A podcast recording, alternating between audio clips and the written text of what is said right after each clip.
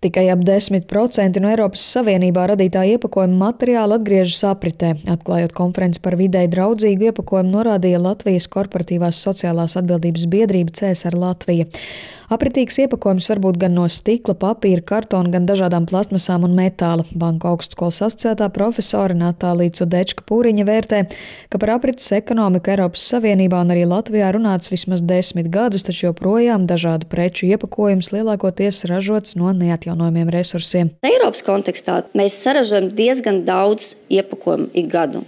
Tas ir aptuveni 180 kg pēc pēdējo gadu datiem kas ir ļoti daudz. Un, ja mēs paņemam Latvijā radītu atkritumu apjomu, kas ir nu, jau laikam 450 kg aptuveni uz iedzīvotāju. Un, um, ja mēs paskatāmies uz primāro resursu izmantošanu, tad tas, ko mēs redzam Eiropas līmenī, kad uh, 40% no izmantotās plasmasas un 50% no, no izmantoto primāro resursu no, no papīra ir paredzēti tieši iepakojumam. Protams, mums ir jādomā, kādā veidā pārstrādāt tos materiālus vairāk.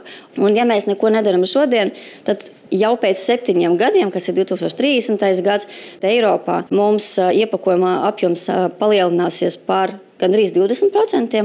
Konferencē ar savu pieredzi pārstrādājumu materiālu meklējumos dalījās vairāk pārtikas un dzērienu ražotāji. Piemēram, Narvisen pārstāve Natāļa Arbēta iezīmēja, ka uzņēmumam izdevies pāriet uz pilnībā pārstrādājumiem līdzi ņemšanas kafijas krūžu vāciņiem. Tie izgatavoti no cukurniedru izspiedu šķiedras, kas ir cukuru ražošanas blakus produkts.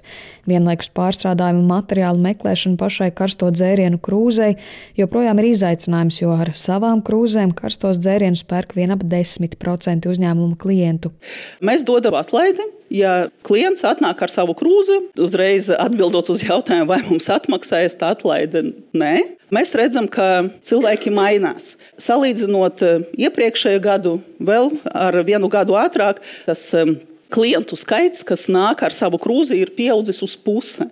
Protams, ja mēs ņemam visu kafijas pārdošanu, tas īpatsvars joprojām ir pietiekoši mazs, un mums noteikti ir kur augt. Savukārt uzņēmuma skrīveru saldumu pārstāve Kristīna Murjāne atzina, ka bez aizvien pārstrādājumāk iepakojumu ieviešanas uzņēmums pēdējos gados arī meklēs iespējas mazināt kopējo atkritumu apjomu, jo nereti saldumu nozarē patiešām viena konfekta iepakota vairākos iepakojumos. Diezgan muļķīgi, ka mums bija iepakojums iepakojumā.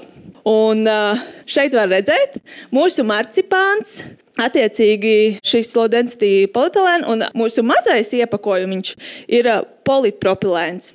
It kā nekas slikts jau tur nav, bet tas ir iepakojums iepakojumā. Tad kāpēc mums ražot vairāk plastmasu, neskatoties to, vai tas ir pārstrādājums vai nepārstrādājums? Protams, tagad mums būs paciņa mazāka, marcipāns nebūs iekš divām mājiņām. Reizeknas gaļas kombināta pārstāve Dina Freiberga secināja, ka būtiskākie apritīga iepakojuma ieviešanas izaicinājumi uzņēmumiem ir ne tikai iepakojuma izmaksas, pieejamība, izturība, bet arī sabiedrības izglītošana un pirktspēja.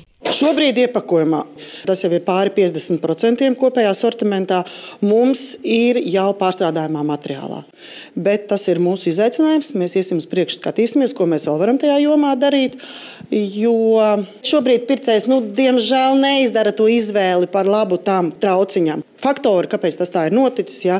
Gan ģeopolitiski, gan covid, gan vispārējais. Ja? Tas, protams, to visu sabremzēja arī.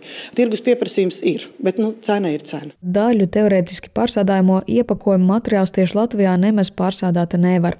Atšķirojot tos izmanto enerģijas ieguvēji. Turpina Zero Waste Latvija pārstāve Laura Martinsone te es saskatu varbūt to lielāko izaicinājumu tam, ka nu, tiem atkrituma apsaimniekotājiem vajadzētu tā skaļi pateikt, ka šajos reģionos mēs pārstrādājam to un to, šajos to un to. Nu, tā, lai arī tam ražotājiem ir skaidrs, kādu materiālu tad es varu šobrīd izvēlēties, kurš būs piemērotāks man.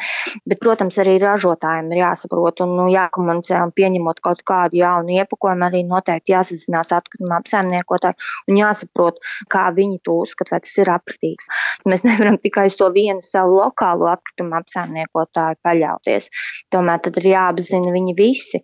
Saskaņā ar Eiropas komisijas pērna rudenī ierosināto regulu par iepakojuma standartiem dalībvalstīm līdz 2030. gadam jāsamazina izlietotā iepakojuma daudzums par 5%.